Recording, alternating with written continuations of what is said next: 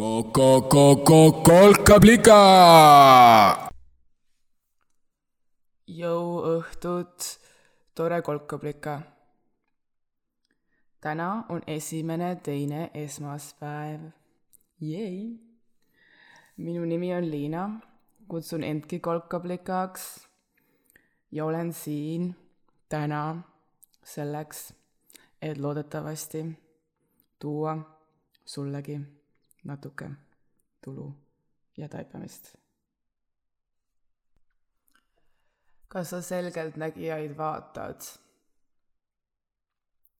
üle-eelmises osas nad lahendasid, Taju lahendasid mõrva, mis toimus kahekümne kaheksandal novembril tuhande üheksasaja üheksakümnendal aastal. kui see kaadritagune hääl ütles, et mõrv leidis aset tuhande üheksasaja üheksakümnenda aasta kahekümne kaheksandal novembril, mina hoobilt hõikasin iseendale iseenda peas. mina olin juba olemas. väga veendunult. mis tõsi, ma ehk oleksingi pidanud juba olemas olema, sest aeglane ja põhjalik, nagu ma olen, mul võttis kaks nädalat oodatust kauem aega, et siia ilma ilmuda. Aga noh, tegelik lugu on see, et kahekümne kaheksandal novembril tuhande üheksasaja üheksakümnendal aastal ei olnud veel keegi näinud minu tõelist nägu siin ilmas, sest mina olin alles oma ema kõhus. ja me räägime aastast tuhat üheksasada üheksakümmend, eks ole, mu ema ei teadnud isegi, et ta tütre saab, nii et ma ei usu, et ta sealt ultrahelist, ma ei usu, et ta üldse ultrahelist heligi sai, kui aus olla. igatahes seal selgeltnägijate arvuti ees mina väga veendunult hõikasin endale, et mina olin juba olemas. mulle tuli meelde sellega üks teine lugu, mis tuleb samast august, mida ma aeg-ajalt endale muiates meenutan. nimelt minul ja mu õel, kahel kolkablikal, kahel kolkablikal, kellel erinevalt teistest lastest ei olnud võimalik nii varakult välismaale minna. ma lendasin esimest korda elus kuueteistaastaselt. see oli kolm kuud enne mu esimest suitsu. võrdluseks, tõestuseks, mida iganes. minul ja mu õel oli sihuke napakas õelusvõitlus, et kumb meist enne välismaale läheb, enne siis meie esimest, esimesi reise. Ja ma ei tea, alla kümneaastastele lastele ilmselt tundub ennustamine tulevikku liiga keeruline, nii et argument, millega mu õde mult võiduga eest ära jooksis, oli see, et tema oli põhimõtteliselt juba jõudnud välismaale enne oma sündi, seega oli tema juba käinud ja seega tema võitis ja mina kaotasin. mis jep tõsi, meie ema käis Pariisis paar kuud enne mu õe sündi, mil mina ja mu ema juba ootasime mu õde. ja miks see mind muigama alati ajab, see lugu on see, et noh, kui inimesel on mure, siis tuleb ju kõik lahendused läbi kaaluda ja sealt kõige parem leida. ja ma arvan, et me tol ajal leidsime sealt selle lahenduse, kuigi mina kaotasin ja noh, tegelikult on ju ka tõsi, et nii novembris tuhande üheksasaja üheksakümnendal aastal kui paar kuud enne mu õe sündi me olime juba kellegi jaoks olemas. me olime olemas sellesama ema jaoks, kelle kõhus me mõlema loo hetkel oleme olnud. Esimese ajal olen mina kõhus, teise ajal oli mu õde kõhus. ta ehk maybe tõesti ei olnud näinud veel meie tõelisi nägusid aga me olime teda raudselt juba paar korda löönud, võib-olla isegi oksele ajanud, imelikke ihasid tekitanud. noh, teate küll kõik need huvitavad asjad, mis naisega juhtuvad raseduse ajal. Ma täitsa täpselt ei tea, ma ei ole kunagi rase olnud. samamoodi ei tea ma, mis hetkest saab emast ema, sest emaks ma pole ka saanud ja lepime kokku, seda teavad ainult emad. ja emad ainult iseenda kohta, okei okay.? igatahes mina olen viimased nädalad mõelnud siis sellele, et milline siis võiks olla see minu tõeline nägu, mida novembris tuhande üheksasaja üheksakümnendal aastal ei olnud veel keegi näinud. ma olen elus nii palju muutunud, olen iseend muutnud ja tulevikus ilmselt ka muutun ja muudan edasi. nii et kuidas sa nagu üldse valid kõigi nende erinevate nägude hulgast selle ühe ja õige, selle tõelise? ja kes oleks siis see valija, kas ma saaksin ise valida näiteks? ma ei tea. mul läheb no umbes üheksakümmend protsenti juhtudest vaja peeglit või mingit peeglilaadset toodet nimega nutitelefon, et iseenda nägu näha, mis tehniliselt tähendab, et minu enesepilt on peegelpildis ehk mitte tõeline. Okei okay,, kurat, kes siis valib? see peaks olema keegi, kes on nagu olnud kõigi nende erinevate versioonidega kursis, on ju. aga nagu keegi ei ole ju veel, ma ju ütlesin, et tulevik on veel ees, uued näod on alles tulemas.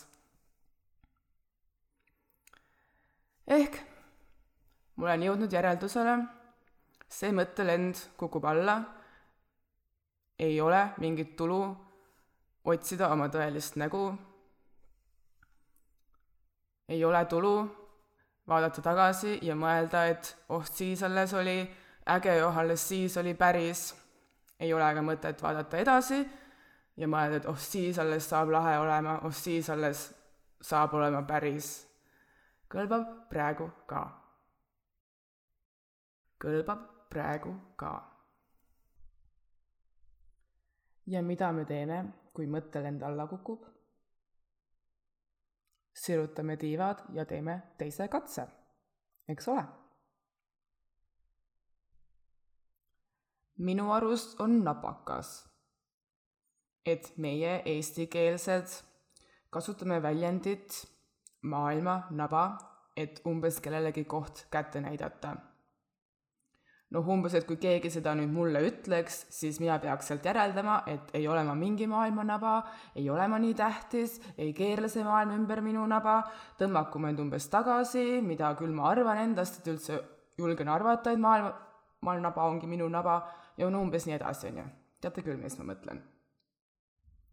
minu arust see on napakas nii et kui sünd juba täna natukene teemaks on olnud, siis räägime ka sellest veel enam-vähem mõttetust, kuid meie tervete inimeste ainsast sünniarmist, minu number kaks lemmikkeha osast, räägime nabast. no minu naba asub nii enam-vähem keset mind, mu kõhul on ju, ja seetõttu on ka ta enam-vähem minu kui maailmas ruumi võtva inimese keskkoht talgi on olnud erinevaid nägusid, sest noh, ta ümber on olnud natuke rohkem või vähem pekki, aga sihuke ümmargune ja aukjas on ta mul enam-vähem kogu aeg olnud, on ju. välja arvatud siis see algusaeg, kui ta alles tekkis. ja noh, sul on ilmselt suht sama lugu, on ju. kaheteistaastaselt veensin mina oma armistajat, et mul oleks väga vaja oma naba kaunistada mu kallis armistaja oli nõus, nii et mul on nüüd äh, siiamaani nabast rõngas läbi. ja noh, seetõttu ta ka kaunistab ülejäänud keha, kogu keha ja siis vahel tekib sihuke mõte või tunne, et umbes kui sinul, kelle naba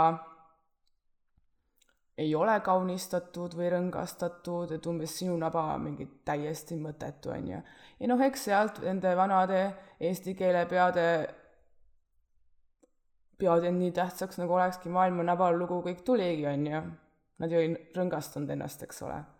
et noh, arvad küll, et tegelikult oled tähtis, aga oled sama mõttetu kui see nabaluud. oleksid sa vaid sõrmed eit midagi sihukest, on ju. Mul on teine arvamus. minu arust on meie nabad mega ägedad. olgu sul seal rõngas või mitte, ägedad. miks? peale selle, et see on sünniarm ehk reaalne mälestus sinu kehal sinu sünnist ma ütleksin, et see on ka elu kuradi kunstieos sinu kuradi kehal. ja kui peaks veel valima kunstiliikidest mingi alaliigi, siis ma ütleks, et naba on monument.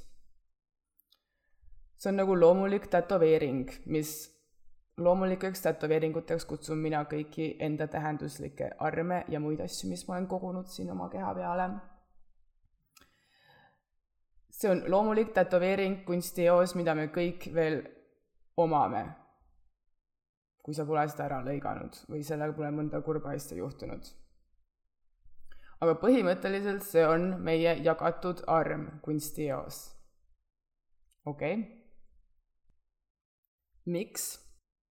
sest see on ainus koht meie kehal, kust me oleme reaalselt olnud kunagi teise inimesega ühenduses, toitvas ja toetavas ühenduses. nabanöörist räägin, on ju. ma veel ei ole kuulnud, et keegi meist saaks sündida ilma nabanöörita. ma olen kuulnud igast rõvedaid lugusid, kuidas beebil võib olla naba kõrval auk, kust siis soolikad välja tulevad sündimise järel. aga nabanöör on ju ikka olemas olnud võib-olla tulevikus siis, kui me hakkame mingites klaasituubides sündima, et siis nabanöör nagu ei ühenda sind teise inimesega, vaid ühendab sind masinaga, aga see on nagu tulevik, on ju. seniks ma ütlen, naba on monument. naba on monument inimestevahelisele sidemele ja veel täpsemalt siis monumendina ta sümboliseerib inimestevahelist, inimestevahelise toitva ja toetva, toetava ähm, sideme võimalikkust. ja siin ei ole vahet, kui hästi või halvasti või üldse mitte sa praegu saad läbi või ei saa läbi oma nabanööri teises otsas olnud inimesega, monument on ta ikkagi ja, ja sellepärast minu arust on naba väga äge ja ka tähtis. Come on, isegi juba need Vana-Kreeka onud said sellele pihta. Nemad küll nägid seda nagu palju traagilisemalt, umbes et naba olemasolu on meil vaja nüüd terve elu otsida, kannatades seda ühte ja õiget oma teist poolt ja umbes siis ongi nagu mingi paradiis käes, kui oleme selle ühe ja õige leidnud, on ju. aga noh, enne me väga palju kannatame, kui me neid leiame. ma nii traagiline ei viitsi olla. kannatamiseks mul ka enam võhma ei ole. ja pealegi ma ei arva ka, et see inimestevaheline side peab alati olema mingi romantiline paaristants. minu nägemusest võiks olla rohkem niisugune disko või reiv või pidu või niisugune nagu rahvamajas toimuv külasimman. paaristantsuhuvilised on väga teretulnud alati, aga lõbus ja mõnus on ka kõigil teistel üheskoos, nagu umbes see, kus sõbrannad tantsivad sõbrannadega ja sõbrad tantsivad sõbrannadega ja sõbrannad tantsivad sõpradega ja sõbrad tantsivad sõpradega ja lõpuks see eakate rahvatantsuklubi tädi võtab oma väimehe tantsule ja siis see väimees lõpuks kutsub veel ka selle äia tantsule, siis kõik üheskoos tantsivad ja siis samal ajal on sul seal tantsuplatsi ääres need lauad, kui sa oled nagu natukene ma ei tea, tagasihoidlikum või sulle meeldib elu rohkem vaadeldes läbi teha, et siis sul on nagu seal võimalus kodus to-, kaasa toodud toitu ja jooki nautida ja nagu kokkuvõttes kõigil on nagu lõbus. vot, niisugune minu arust võiks olla see side inimeste vahel. ruumi põhimõtteliselt on nagu kõigile, on ju. ja samuti erinevalt äh, Kreeka onudest ma arvan, et see ei oleks lõpp, ma arvan, et see oleks alles algus. Aga kuniks väimehed veel siiski valivad äia tantsule kutsumise asemel maja ette mineku, et teisele väimehele, kolmandale väimehele mingit tou anda, siis seniks ma arvan, meil oleks kõigile kasulikum mõeldagi endist kui maailma nabadest. okei okay.. miks? sest esiteks ma arvan, et me olemegi sama tähtsad, kui on meie nabad. kui naba on monument inimestevahelise sideme võimalikkusele, siis see side on alati vähemalt kahepoolne. noh, mina unistan siin umbes mingi miljonipoolsest, on ju, aga ala, alguses on alati vähemalt kaks inimest ja alati nendest kahest üks oleme meie ise oma nabadega. kui ei oleks mind, ei oleks ka seda teist. Ehk ma olen tähtis.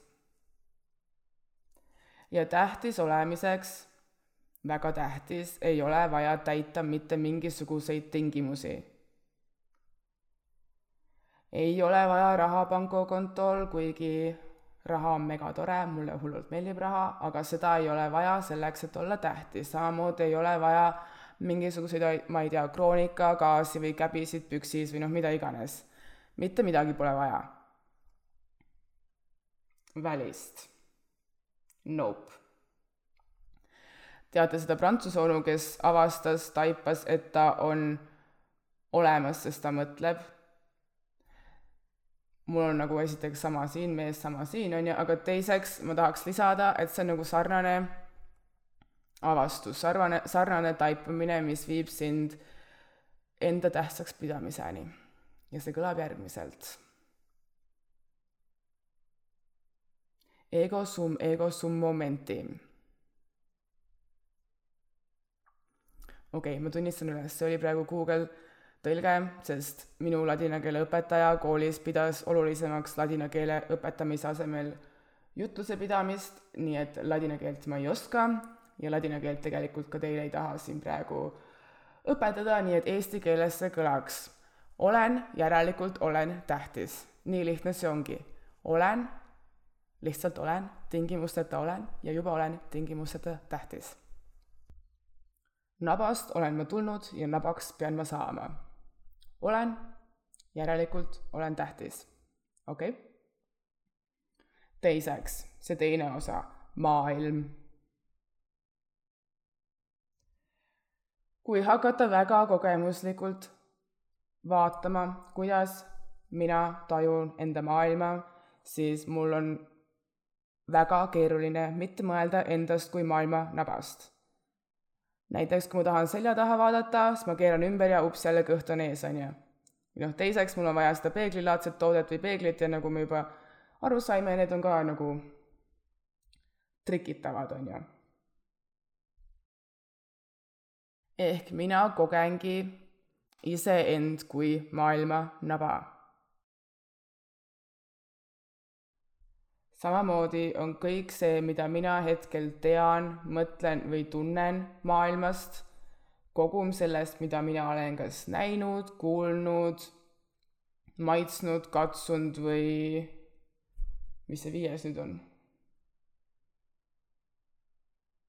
haistnud. mul sellega on natuke probleeme veel, sest teate küll, on ju see ongi põhjus, miks ma suitsetamise maha jätsin muideks igatahes minu maailmapildi loob kõik see, mida ma siit oma, mida ma siit oma naba otsast olen kogenud. okei okay.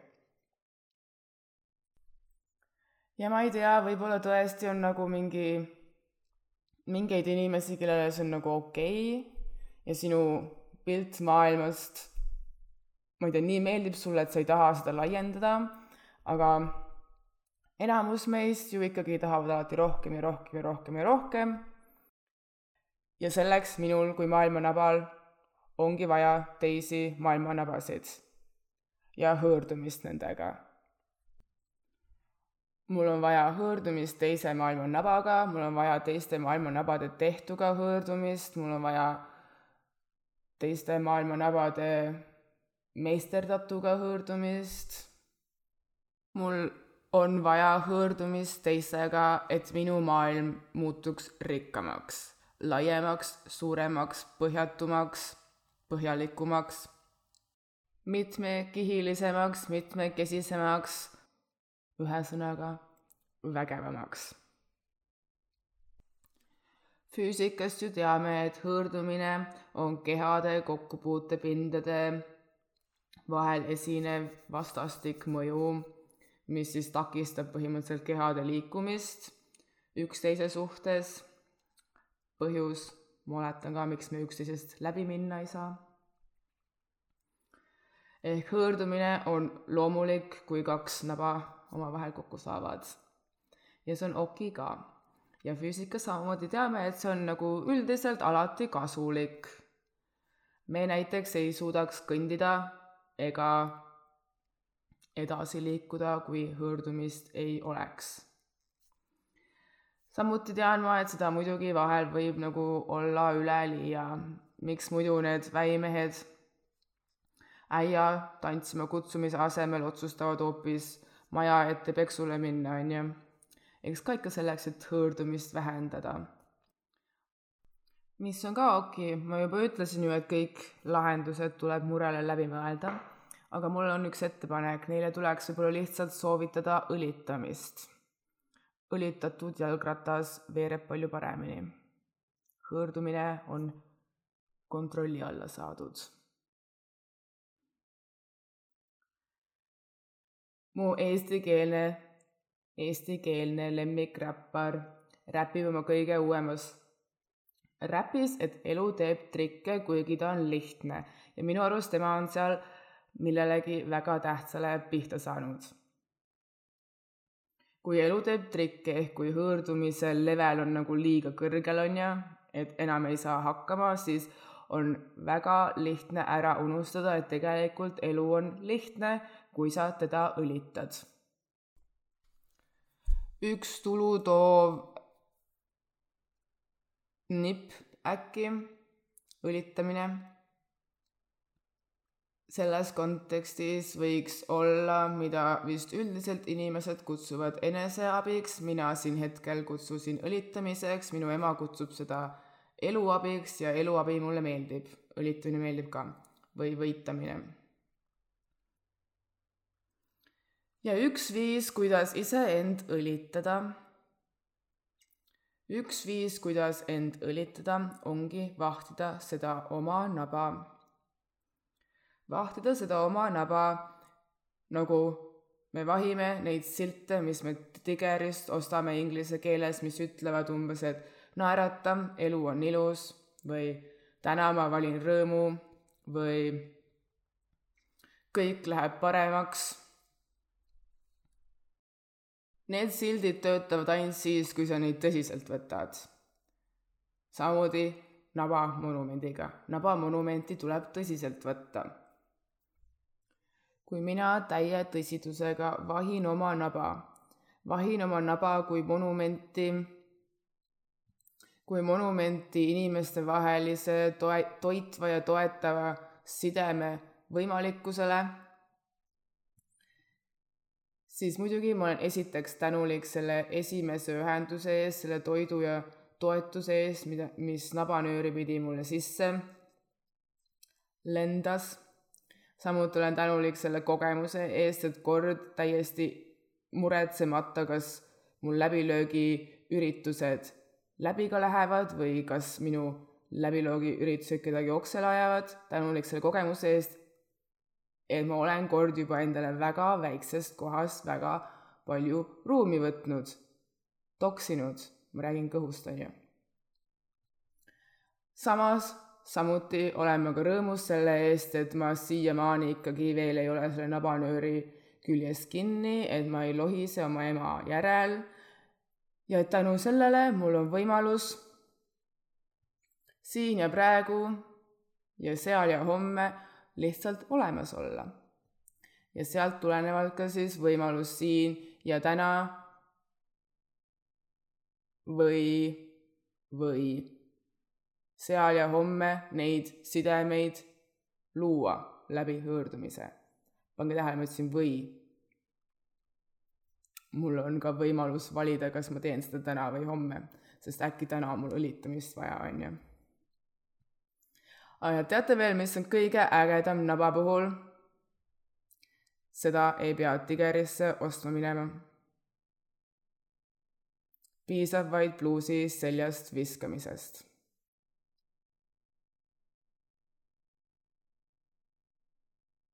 isegi peeglisse ei pea vaatama. naba näeb ka peeglita.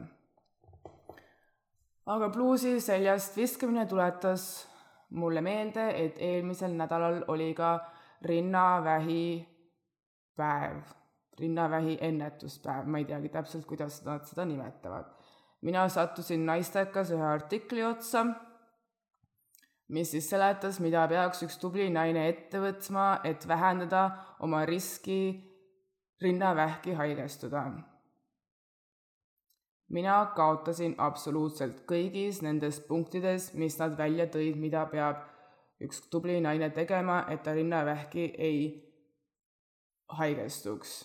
ja ausalt öeldes mul pole plaanis ka võitma hakatagi. olen natuke liiga paksuke ei taha alla võtta rohkem, tipsutan vahel, see on ka okei okay. Kasutan rasestumisvastaseid vahendeid, sest ei ole mina veel otsustanud emaks saada ja hetkeplaaniga ei plaani ka mitte kunagi sünnitada.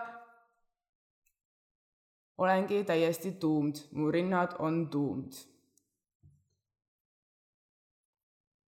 naisteka arust. tegelikult on ju üks variant veel viskangi selle pluusi seljast ja täna ja homme ja ülehomme ja viie päeva pärast ja nädala aja pärast ja kuu aja pärast ja järgmine aasta täna ja homme ja ülehomme ja üle, ülehomme. pluus seljast ära, katsungi oma tisse. katsun oma tisse ja kui sealt leian mingi klombi, siis tegelen sellega.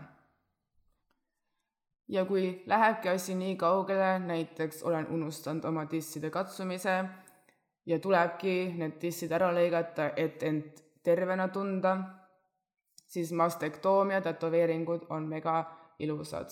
ehk saan siis kaks ühes, saan loomuliku tätoveeringu armide näol ja sinna otsa veel ilusa tindi tätoveeringu ka. ma ei tea. või noh, tegelikult ju tean küll ma katsuks alati enne igapäevaselt oma tisse, kui üritaks kõiki reegleid, milline peaks olema tubli naine, järgida. kui ma hakkaks neid reegleid järgima, ma ilmselt väga ruttu tahaksin tagasi Emajõssa. ja ma just ju enne ütlesin, et mul tegelikult on hea meel, et ma enam oma ema otsas ei lohise jep, aeglane ja põhjalik, nagu ma olen, mul jäi veel väga palju juttu rääkimata, aga täna hakkame nööre kokku siduma. lõpetuseks siis ehk veel see, et minu ja mu õe mure sai lahendatud üheaegselt aastal kaks tuhat, kui me mõlemad korraga laevalt välismaale astusime. mis aeglane ja põhjalik, nagu ma olen tegi minust kaotaja, sest ma olen ju vanem õde. mis on ka okei okay., teine koht kõlbab ka, eriti kui võitjale ka kaasa elad. ja kui on ikka veel nii, et sa tõesti küsid praegu enda peas, et mida ma küll endast arvan, et siin sulle pool tundi nabast jahusin, siis aitäh küsimast, ma arvan endast väga hästi tundsin lihtsalt vajadust sulle meelde tuletada, et sa oled tähtis. naerata, sul on naba. kas sa minu küsimust mäletad või? mis selgeltnägijatest arvad? kes su lemmik on? vastuse võid saata mulle meilile muud juttu võid ka saata meilile, meili leiab mu kodukalt kolkablika.ee. sealt kolkablika.ee kodukalt leiad ka vormi, millega tellida järgmiseks saateks äh, meeltuletus, et noh, ei peaks oma meelt väga paljude asjadega koormama. meeldetuletuse tellides ma tuletan sulle end ise meelde mõtle, mis oma aja ja meelega kõike teha saaks, kui kogu aeg ei peaks igasuguseid asju meeles pidama hm?. Jej